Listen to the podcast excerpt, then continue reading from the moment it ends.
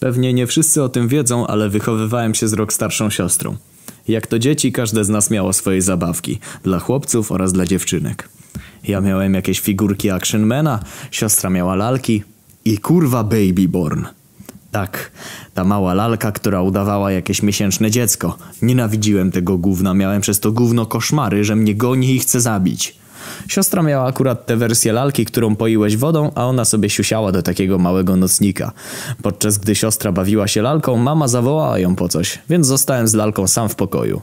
Od razu wpadłem na genialny pomysł zrobienia siostrze psikusa. Po prostu zdjąłem lalkę z nocnika i do niego nasrałem. Lalkę położyłem z powrotem na nocnik, że niby to ona się zesrała. To była wersja z dziewczynką. Siostra wróciła do pokoju i poczuła, że coś jest nie tak. Podniosła lalkę z nocnika i zobaczyła klocka, którego sam wcześniej wysrałem. Ona kurwa serio pomyślała, że to ta lalka się wysrała. Pobiegła z nocnikiem do mamy i zaczęła krzyczeć, że lalka zrobiła kupę. Kurwa, największy wpierdol od matki, jaki kiedykolwiek dostałem.